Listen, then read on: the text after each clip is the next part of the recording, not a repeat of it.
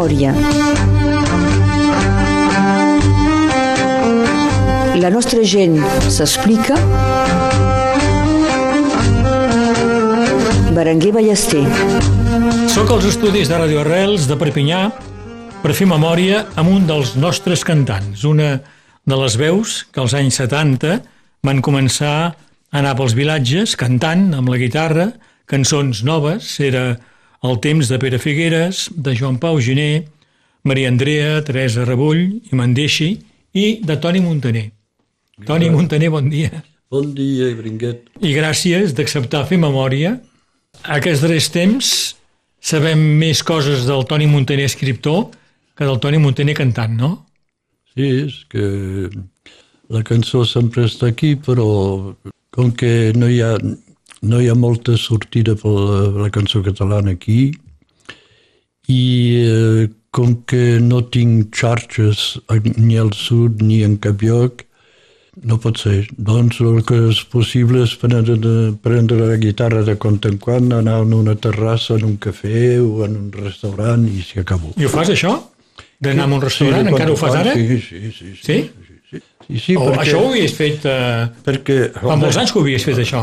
i no, me vaig No? no? pagar els estudis amb això i, Sí. i etc etc. Jo t'havia vist algun, algun Sí. cop al restaurant cantant. Sí, eh, recordi. la, eh, una vegada em vaig veure al Mas Sabola Sí, exacte, sí, sí, molt i bé. anaves amb la moto, per això t'estava parlant de Sí, sí. si feies encara moto.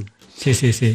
No, és que mm, de cantar en un restaurant és eh, per a mi el critèrium de veritat, perquè no t'espera ningú. O agrada o no agrada. I s'hi acabó. Ah, cal tenir molta força, no? Per cantar en un restaurant que a vegades ningú t'escolta, no? Ah, sí, sí, sol, sol passar, esclar, Sí. esclar. D'acord. I es poden guanyar diners eh, cantant en un restaurant? No, no, no, no gaire, no. No, va bé, però... Avui amb el Toni Montaner parlarem, evidentment, de música, de llibres, també dels anys que has fet de professor de francès. Abans eh, voldria parlar de la teva família. Ets fill de la retirada, com tants altres en aquest país. Ton pare i ta mare van néixer a Escó, Sí, a la comarca Exacte. de la Ribera d'Ebre, sí, allà on als anys 80 s'hi van construir dues centrals nuclears. als anys 70, 70 era? D'acord. 74, 75, però... D'acord. Què feien el teu pare i la teva mare? Escó. El pare treballava a la terra Sí. eh, i la, la mare eh, era el treballava al comerç de la seva pròpia mare i doncs, eh, mira, van anar tirant, es, es van ajuntar, es van casar i, sí. i de- d'aquí vam néixer nosaltres, però no pas a Escó, aquí a França. sí. Toni, ton pare era un llibertari, un, Sí, un anarquista, eh? sí, sí, sí. dels que volien fer la revolució durant la guerra. Social, sí, sí. Ell va fer la guerra. Sí, sí, sí, sí, sí. Fa la guerra i l'any 39, com tants altres, fa la retirada Mm, i passa pel camp d'Argelers. exacte. I va ser duríssim. Ho explicava ell. no en parlava gaire. No. Quatre paraules de quan en quan sobre, sobre el camp d'Argelers, però no gaire. L'única cosa que... Però quan parlava deia coses. Va passar 15 dies a la fortalesa de Colliure, Presoner, de presoner, clar. com hi anaven bastants llibertaris, despullat, es feien dormir despullats a les, eh, a les fosses de, de, del castell de Colliure. Perquè era castigat per alguna cosa o era simplement perquè era anarquista. Eh, les, les, Les dues coses. Les dues coses. Això sí que m'ho va explicar i eh, era l'hivern, eh? era un hivern fredós, sí. molt fredós. Eh? I els feien sortir per anar a des, eh, sortir la basura o així, sí. i llavors eh, regressaven a la, a la, cel, a la celda. Sí. Durant 15 dies, així, Mm. al castell de Colliure. 15 dies, amb, eh, en, jo vaig eh, entendre 15 dies, sí. D'acord. Però I un, potser era més. Eh? No sé. sí. I un dia ton pare eh, surt del camp Mm. amb son germà amb son cosí, Eh? amb son El, cosí. el seu cosí. Doncs, Perquè han trobat feina a Poitiers. Ah, això mateix. A Loches, exactament, eh, Sí, eh, a prop de Poitiers, i van en bicicleta. Els dos. Els dos, a la, meix, a la mateixa mateixa bicicleta. bicicleta, el pare pedalant i l'oncle sobre el portabagatges, Sí. com, perquè no sabia fer bicicleta.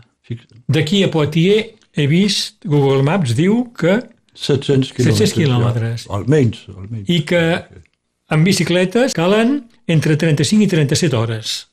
Això, Sí, això- amb una bona bicicleta i amb un una bicicleta campió. per persona. Sí, sí. Quant temps hi van posar ells?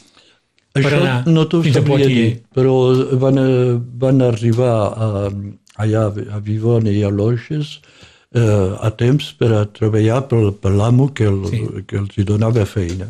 Eh? Quan tenies feina, podies sortir del camp. És això? A partir d'un moment Sí, va ser això. clar. Va ser el 40 ja. Sí. Eh? Quina feina era, doncs, a Poitiers? Eh... De Buscairol. I llavors eh, el pare va treballar a Poitiers com a manobre de, de maçoneria. Sí. De, Pairé. Doncs.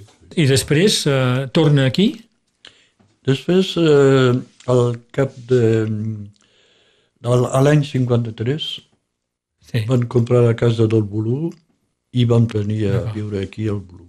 Perquè el teu pare i la teva mare s'havien casat ja eh, abans de la retirada, eh? A sí. Escó, eh? A l'any eh, 34. Ta mare, acabada la guerra, es queda un any a Barcelona amb la sogra, Sí, perquè era, era, era prenyada, era eh? emprenyada de, de, de Cisco, del germà Cisco. El primer fill, del Francisco. Voilà. Però eh, abans hi havia hagut una, una noia cinta, Doncs era, és el segon, el Francisco. segon, el primer dels nois, Dels nois, sí. el segon de... Doncs va tinguer de, de quedar-se allà, allà perquè no, no podia ser. De viatjar així eh, era molt eh, arriesgat. I quan ve aquí, amb els fills, doncs, Sí, passa pel camp també, pel camp d'Argelers. però primer passa per les alberes que eren nevades, Sí. com, com no, no es pot imaginar, Sí. imaginar, amb el coll, la cinteta I el cisquet. Francisco. I, caminant, doncs, eh? Cami oh, sí, sí. El tren fins a Figueres i llavors caminant De Figueres fins aquí, caminant, amb les dues criatures. amb les dues criatures. I van arribar sants i salvs. Van arribar, que ja és molt, sí, sí. molt, molt i molt. Arriben aquí i els envien al camp El camp d'Argelers. directe. Amb les criatures. Amb les criatures. criatures. I la mare ho explicava? No gaire, Tampoc. no gaire. No es comple en, eh, en explicar això, coses de, de guerres. Eh, Quan eh, fes una evocació o una pregunta Sí. sobre aquesta època, eh, més aviat, ui, les guerres, ui, Sí. com si el fet de parlar-ne Sí. els, Els fes reviure també tota la- ressorgir a, Sí. a, aquella situació. Sí, sí, sí. sí. El traumatisme era molt fort. Eh? sí. Il y en a pas sur cent, et pourtant ils existent, la plupart espagnols. Allez savoir pourquoi. Faut croire qu'en Espagne, on ne les comprend pas, les anarchistes.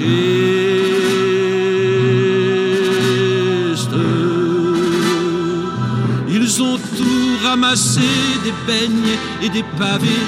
Ils ont gueulé si fort qu'ils peuvent gueuler encore. Ils ont le cœur devant et leurs rêves au mi-temps. Et puis l'âme toute rongée par des foutues idées. Et un lapin sur cent, et pourtant ils existent, la plupart fils de rien, ou bien fils de si peu, qu'on ne les voit jamais, que lorsqu'on a peur d'eux, les anarchistes.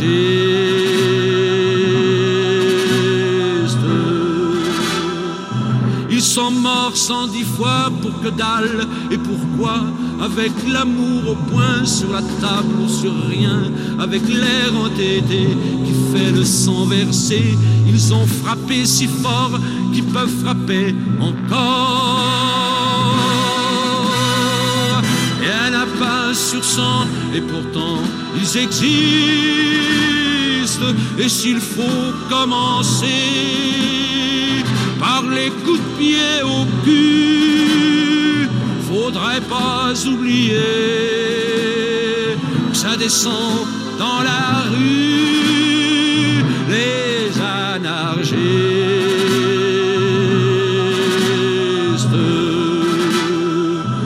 Ils ont un drapeau noir en berne sur l'espoir et la mélancolie pour traîner dans la vie des couteaux pour trancher le pain de l'amitié et des armes rouillées pour ne pas oublier. Tiens un pain sur sang et pourtant ils existent et qu'ils se tiennent bien bras dessus dessous, joyeux, et c'est pour ça qu'ils sont toujours debout, les anarchistes.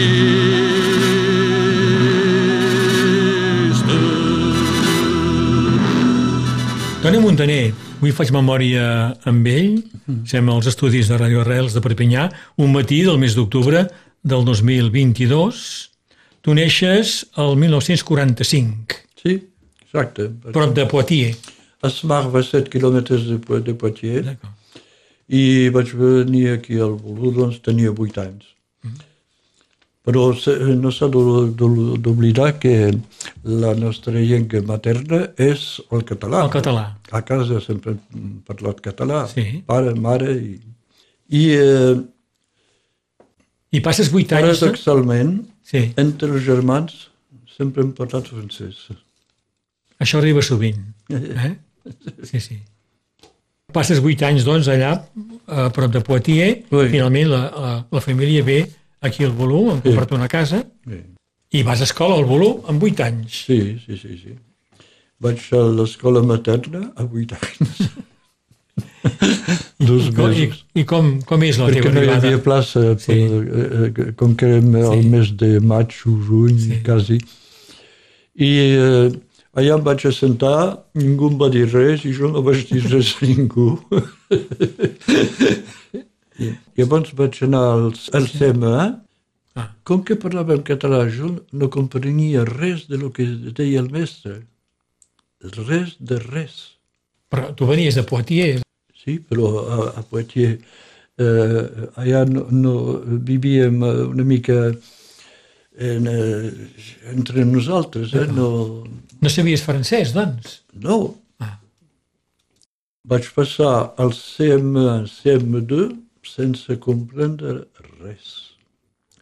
Cap al CM2 una mica més, perquè ja Sí.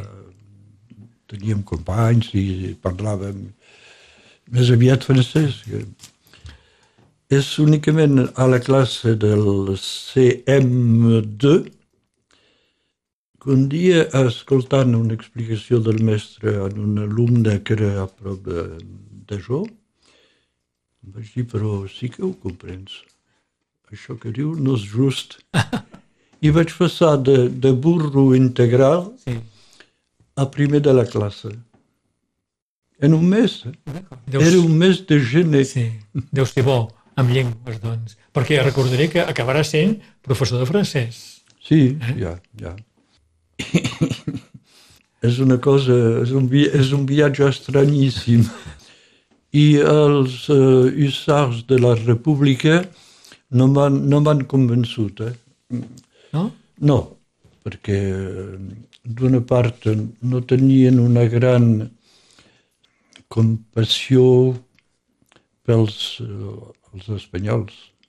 De la En vas patir, d'això? Sí.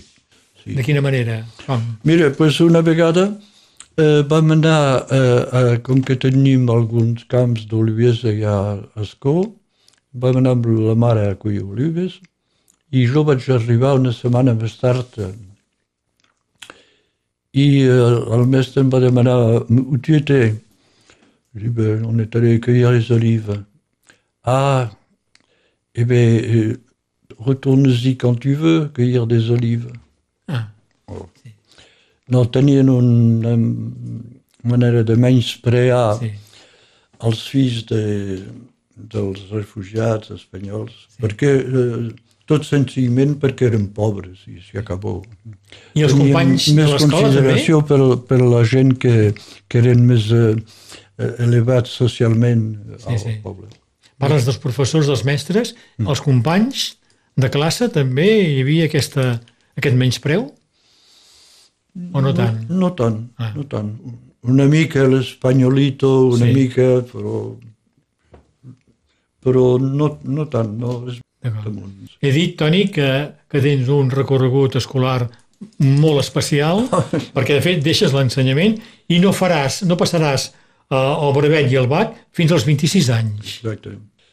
Et deia que havia, de burro havia passat a primer de, Sí. de la classe en un mes. El, ce- vam passar el certificat d'études i vaig eh, sortir primer o segon de la classe. Amb ordre de, do, de donar, érem quatre del volum, de donar tots els papers escrits al company que era darrere de jo, perquè els mestres el que volien era fer un 100% de reeixida. D'acord. Havies, tu havies d'ajudar els altres. El dia del certificat d'études. Per això, les de la República. Sí, no. I eh, llavors em creia que, que anava al col·legi, jo. No, no, em van, em van fotre, perquè s'ha d'emplegar Sí. s'han d'emplegar els mots que convenen, Sí. en un centre d'aprenentatge que no, no em convenia, perquè jo eh, em pensava que anava a fer lletres, eh, això de literatura, etc. I no. Que era, què vols dir, que era el mestre que t'enviava a un lloc o a un altre? Euh, Il y, a- il y a- il y avait un concours pour entrer en sixième que s'havia passat al CM, euh, al CM2, ja, o, no sé, Sí, sí. no. però no, no van intervenir, no va intervenir ningú. I t'envien al Charles Blanc. A Charles Blanc, que era un centre d'aprenentatge Sí. per a fer un ofici eh, de serraller o d'ajuster. I això no em convenia, no em convenia. No... Jo, mira, per a dir-te el, el refús que tenia, el dia de, que vam passar el CAP, que el vam passar a la granja a Vilallonga del Mons, el muntatge que havia de fer, el jury, quan lo van prendre per anotar-lo, se'ls va desfer, se'ls hi torna a caure allà. Hi havia un missatge Sí. de coses. Ho crido amb tota la veu que demà canviaran les coses i que l'home podrà viure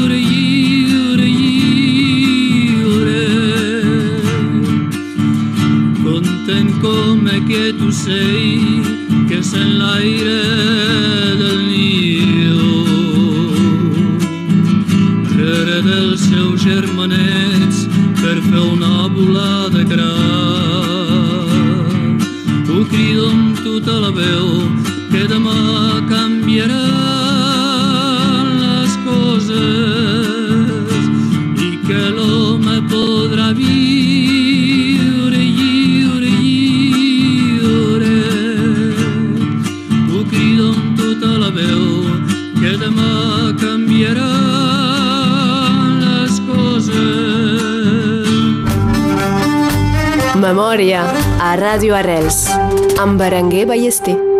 Toni Montaner, també en el centre d'aprenentatge Charles Blanc de, de Perpinyà, per aprendre el mestier de serraller, no et convenia, i llavors te'n vas cap al nord a treballar en una fàbrica. Sí, sí, sí, de, a Marais, dins del Departament del Nord, eh, on eh, soldaven eh, cadires i, i, i taules, eh, doncs, eh, mira, feia això. A Marais, als etablissements cuveliers, exactament. I després no pares, eh? perquè també vas a París i treballes Treballo- rentant plats en un restaurant. Voilà, de rentaplats al restaurant L'Atelier Neuf, Ah, tocant del Tiro Bouchon, passava en Jacques Brel. eh, sí? Els vas veure? Els veies, no, aquests ell no, artistes? però eh, les Navour sí, eh, le, eh, Chardin, Sí. sí. molts. D'acord. I després eh, passes per Saint-Tropez? Sí, un estiu, doncs, eh, l'estiu, a l'estiu per- següent, baixo a Sant-Tropez on, i vaig treballar als, als barcos, eh, però de presència, eh, de, Sí. de villeggiatura. Eh, treballava amb un barquet, una barqueta i portava la gasolina als barcos. Vet aquí. I encara eh, tornes a un restaurant, als Templiers, El Templiers. de Colliure, De Collira vaig treballar un any de com a, cam cambrer. com a cambrer. a finals de, de, doncs al, al cap d'un any em vaig dir, bueno, vas a cantar, vas a provar de fer quelcom perquè això No no, convenia. No, No, ah. no, no, no era desagradable això de Sí. cambrer, però at, eh, eh, atenció, eh, no eren pas les 35 hores als setmanals, no eren els, els congets i tot això. Quan hi vaig arribar, no hi havia dia de descans. No hi havia vacances. Per això durant l'estiu o tot l'any? Tot l'any. Tot l'any. No jo, tenies ni un dia de, de repòs? I jo me'l vaig prendre, vaig fer la revolució social, entre cometes, i prenia el dilluns a la tarda. A la tarda. Una tarda. Això, als Templiers? Bé, I vas aguantar quant temps aquí, doncs? Un any. Un any. Un any. I és després que decideixes posar-te a cantar i intentar viure de, de la cançó. O del Eh, cantar. De cantar, però aviam eh, si s'obria un camí. I es, va obrir perquè eh, vaig eh, trobar eh, gent, amics, eh, co- companys a Toulouse que feien estudis i tot això va tornar a despertar aquesta idea de, de fer lletres, de- de- d'estudiar. De, D'acord. Toni Montaner, vol- voldria tirar un poc enrere. La família Montaner és una família de músics. Eh? sí. El Francisco, eh, el Toni, el, el Mario i el Josep. El Tots, Josep i el Mario. el, el Mario és el més petit. És el més D'acord, això. I tots eh, han fet música i el primer va ser el Francisco. Francisco. Què passa? Com és que tots us dediqueu a la música? Us heu dedicat a la música? Hi ha un ambient musical a, a la família o és el Francisco que marca? La mare, la mare cantava molt bé. Ah, I el pare no cantava sovint, però cantava molt bé. ah sí, d'acord. Eh, Sí. I mira, l'exemple de- d'en d'en Cisco, que cantava, sí. doncs mira, hem Cisco. de, hem de cantar. Ah, sí? Perquè el Cisco, que dius tu, oh, se'l coneix com a Francisco Montaner. Francisco, per sí. cert, ell, Montaner, amb verd de final. Sí, Eh? Molt. Perquè vosaltres, la família Montaner, és amb una E final. eh, Eh? eh, D'acord. El Francisco publica el seu primer disc l'any 74 amb poemes de Machado i Alberti. És el que ha fet sempre, no? musicar poetes espanyols. Sí, sí, sí. Però també francès. Cantava molt bé la poesia francesa. Sí, també és veritat. I tu, doncs, eh, en quin moment decideixes agafar una guitarra i posar-te a cantar? A la fi de l'estiu, als Templiers. Sí, aquí? Abans no? Abans no, no has cantat mai? No. Bueno, sí, així, però Sí. vaig decidir d'anar... I vaig anar a Toulouse i vaig començar a cantar a la, a la Vila Rosa, eh, Can Moustic, que, que eren eh, eh, restaurants una mica mítics de, de Toulouse. Eh? Sí. On, a la Vila Rosa venien tots els artistes de, de, de París que venien al, al Capitol. sí. I eh, Can Moustic era una, una, un restaurant on se cantaven cançons pallades. Ah. cançons... I mira, i, i llavors em vaig eh, posar en camí per a, per a estudiar. La rosa no buscaba la aurora,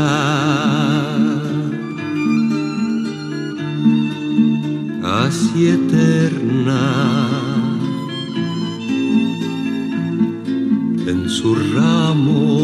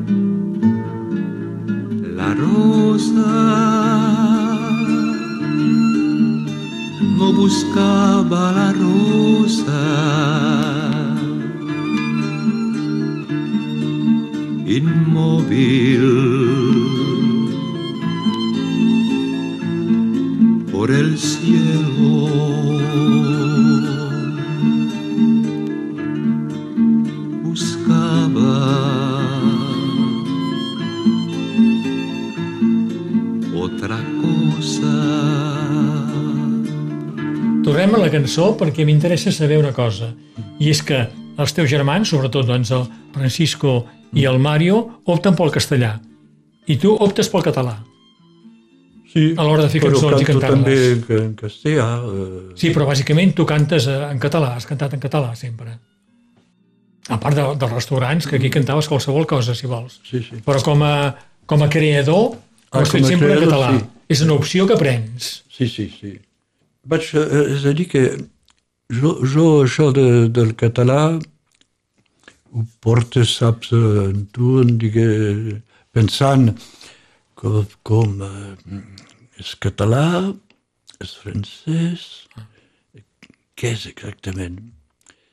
I un cop va, va venir a cantar a Toulouse la Teresa Rebull a la Cave Poésie, a la Cave Poésie, i d'aquí eh, em vaig eh, posar preguntes una mica sobre això del català, de català. I I com vaig eh, tornar després dels estudis eh, a Toulouse, vaig dir, bueno, el català, aviam si, si hi ha camí, si hi ha audiència, i finalment, com que ets català i parles català des de sempre, aviam, i en aquell moment n'hi ha que ho fan, i doncs tot això eh, va ajudar a prendre decisió més que consciència, decisió de fer. En aquell moment, qui et trobes cantant també en català aquí? Aquí Sí. hi havia Joan Pau Giné, Joan Pau Giné, que vas conèixer bé. sí, Sí, sí. Vas cantar sovint amb ell. sí, sí, sí, vam fer gires i tot. Eh, Hi havia el Pere Figueres també. Pere Figueres, que cantava, sí, jo cantava amb Pere Figueres. Eh, la Gisela Beissola, Sí. Has parlat de la Teresa Rebull, Jordi Barra, eh? Jordi Barra, sí. i més tard Albert Bueno, perquè Albert Bueno a l'inici cantava amb en Jordi Amb eh, el Pamboli. amb el Pamboli. Hi havia la Maria Andrea també.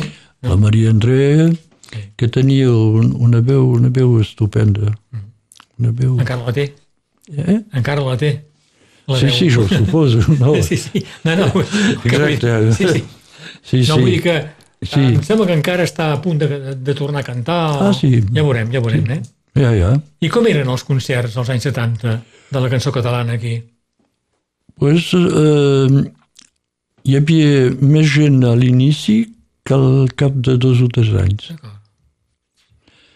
Anaven més a, a veure les corals eh, i els, els recitals, els concerts d'en Jordi Bar, sí. ells sí que... Però te, són gent que tenien xarxes i, i nosaltres eh, érem massa individuals, eh, en Giné com, com jo. Però hi havia sorpreses, eh, a vegades. Una, un, una nit d'hivern, un, un vespre d'hivern, vaig anar a cantar furques des de... M'estava a Sant Joan i hi havia molta gent, un dia de setmana. No, ja, i, i sorpreses agradables n'hi ha, ha hagut, n'hi ha hagut moltes, n'hi ha hagut moltes. El teu primer disc és un 45 torns, amb dues cançons, Mm. a tota veu i bellesa. Mm. Deu ser de l'any 76, eh, abans del primer 33 torns, que vas publicar el 77. Sí, 77, eh, els dos, 77. Doncs al mateix temps, doncs al mateix, no, al mateix, any. temps, no, però al mateix any. Aquest 33 torns és aquell disc Jo canto l'esperança, Mm -hmm. amb cançons teues, sí, sí. reprens les dues cançons del, del 45 torns, hi ha cançons com El camp català, Toro Toro, ah, recordes? Oi, oi, El cant guitarrer, oi. cantes també la Santa Espina en aquest primer disc. Sí, sí, sí, sí. Una, una, una versió que vaig... Un, Una versió pròpia, sí. una versió pròpia perquè eh, encara que posi el nom d'en Guimerà i d'en Moreira Sí. no és exactament la música que, que en van fer però per a fer-ho amb la guitarra s'ha d'adaptar, s'ha de- s'han de fer adaptacions. Quan edites un primer disc, com aquest 45 torns, Mm. amb dues cançons, deu ser un moment especial, no? Sí, eh, et penses que, que és eh, una, el camí, que ets el camí caminant, però la realitat no, no és aquesta. La realitat és que, mira, hi has d'anar l'endemà igual. Eh? Clar. I un any després, el 78, publiques el segon, 33 torns, Ui. Tindrem estius, mm. amb cançons com això, Tindrem estius, Sense por, Mm. eh, Per a tu, Joana de la Clara, Ah, La Joana Fira de de la Vall, El Gall, Ah, bé. i aquí també cantes els segadors. Sí, sí, Sí? I el Testament d'Amèlia també són, cantes. són do, dos, dos cançons, eh, Segadors i Santes Fines són dos cançons representatives, Sí, simbòliques, diguem. Sí, sí. I el testament d'Amèlia- d'Amèlia perquè se, se, únicament perquè m'agrada la melodia. sí és, fantàstica, Voilà, és preciosa. Voilà. Testament I a més que el text diu coses mm, Sí. molt, molt Sí, sí, sí. clares. Eh? Sí, sí, sí. sí, sí. Sí, té raó. Doncs són anys eh, intensos, eh? Amb, amb un parell d'anys has Ah, fet tres discos. Ah, sí, sí, sí, sí. Durant els... eh, Ha durat tres anys l'aventura. Sí. L'aventura eh, ha durat tres anys. Però llavors, eh, l'any 81, ja es veia que hi havia al- quelcom que, que havia canviat, Sí. és a dir, eh, le, les xarxes intervenien aquí. I doncs... eh, Calia tenir contactes, vols dir? la plaça... Coneixences. Sí, sí, sí. Clar. La plaça pels individuals ja es feia una mica raríssima. Vols dir que amb la victòria de l'esquerra, l'any 81, les coses canvien per vosaltres, els cantants. Sí, para, paradoxalment. Sí. Paradoxalment. La flor de l'ametller ha tornat a sortir. La veu de Catalunya també torna a florir. I jo canto l'esperança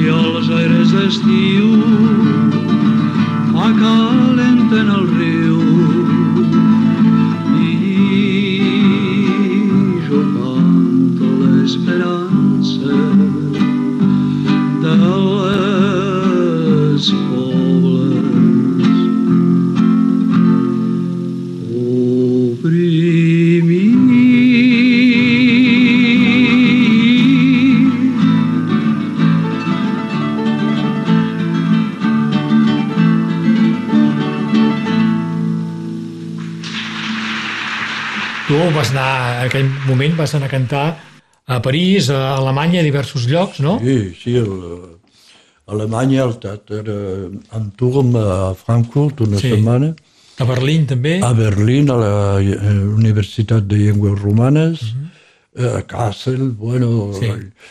i a Provença, aquí a França, a Toulouse, a Bordeus, a Poitiers. Sí, sí, Poitiers, a prop de- d'allà on vas néixer. Sí, sí, sí, sí. T'hi senties còmode fent concerts? Sí, m'agradava molt. Perquè eh, una vegada de- del costat de, de Niort a Saint-Marchand, a Saint-Marchand, hm, Alsàcia també havíem cantat. Bueno. I el, el que m'agradava és que venia cantant català per a un públic de l'hexagon francès.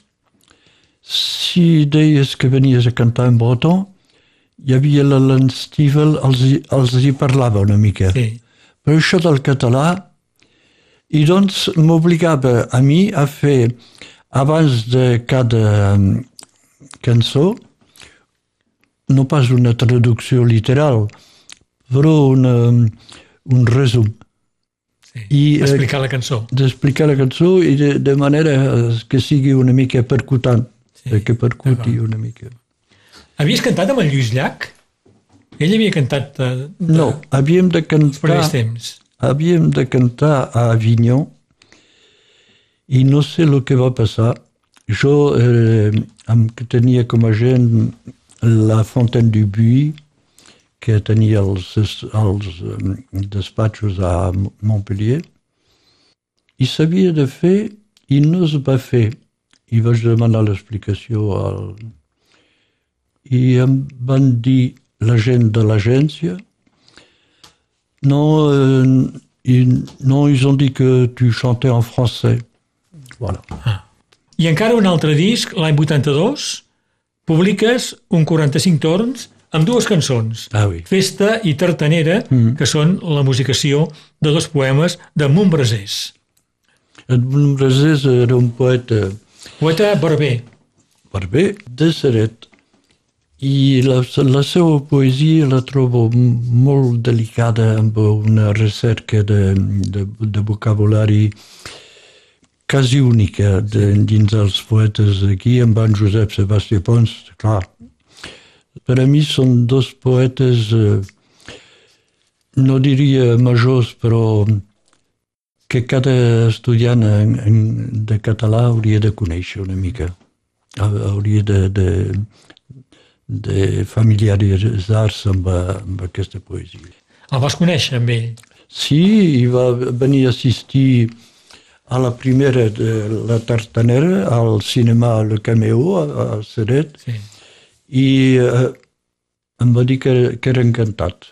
Era una persona molt, molt gentil, sí. molt agradable, sempre, eh, tu deies justament que era barber, sí. i sempre tenia un moment per a parlar amb, amb qui sigui. Sí, sí. Amb qui sigui. Jo recordi que la tartanera va sonar molt sovint ah, sí? en aquesta ràdio. Ah, d'acord. Eh? Molt bé. Era una cançó molt radiofònica. Ja, ja, no? és que, sí, sí. sí, sí, és que el problema és això, és que hi ha cançons que us passen bé a la ràdio sí, i d'altres que et penses que... costa més, no? La tartanera, aquest poema de Montbrasés, musicat i cantat, doncs, per Antoni Montaner. Veia tartanera del maig enflocat, no trigarem gaire a arribar al mercat Sota la porxada, un vell ermità, penso que fa gràcia al desig humà. que la tartana, inflada de vent, i la norandola, seda transparent.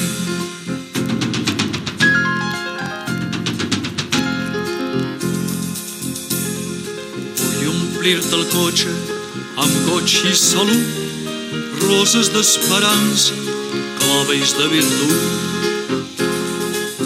arrels de paciència, herba de l'amor, rams de saviesa, petals de candor.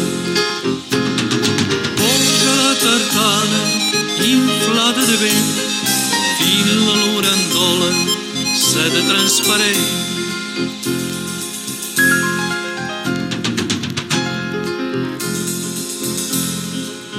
mira retrangle si el mercat es clos en la boira alçada l'ermita s'esbós colliràs engrunes pel teu desconsol si el glebe les guarda de garça i mussol. Conca la tartana inflada de vent fil de l'urandola seda transparent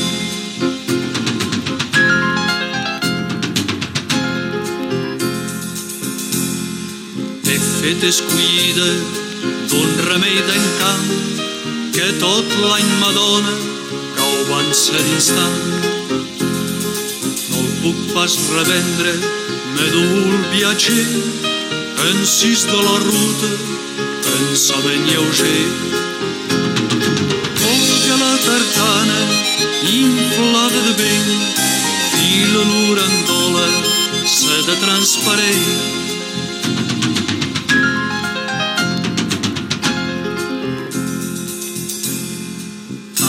de Pascueta, camins d'Empordà, desclou esperança al farigolà. Gentí tartanera, el bosc fa remor, allarga l'estona, el matxo maimó. Olga la tartana, inflada de vent, fila l'orandola, s'ha de transparent. Tartanera el poeta de Saret, Edmund Brasés, musicat per Toni Montaner, un disc de 45 torns amb dues cançons, editat el 1982. Abans hem escoltat, també de Toni Montaner, a tota veu del 78 i Jo canto l'esperança d'un concert del 84 al Teatre Municipal de Perpinyà. També hem escoltat el seu germà, Francisco Montaner, amb la musicació d'un poema de García Lorca, i Leo Ferrer amb la cançó Les Anarchistes, un cantant que sempre diu l'ha acompanyat.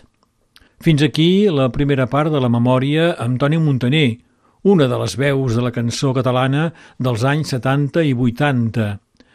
Continuaré parlant amb ell demà a aquesta mateixa hora de com va continuar els estudis i va obtenir el brevet i el BAC als 26 anys, de com va ser professor de francès, de com als anys 90 va començar a publicar els seus llibres, parlarem de Panyol i Gionó, que reivindica, i de Galdric Verdaguer, de Bula Ternera, un dels herois de la Comuna de París.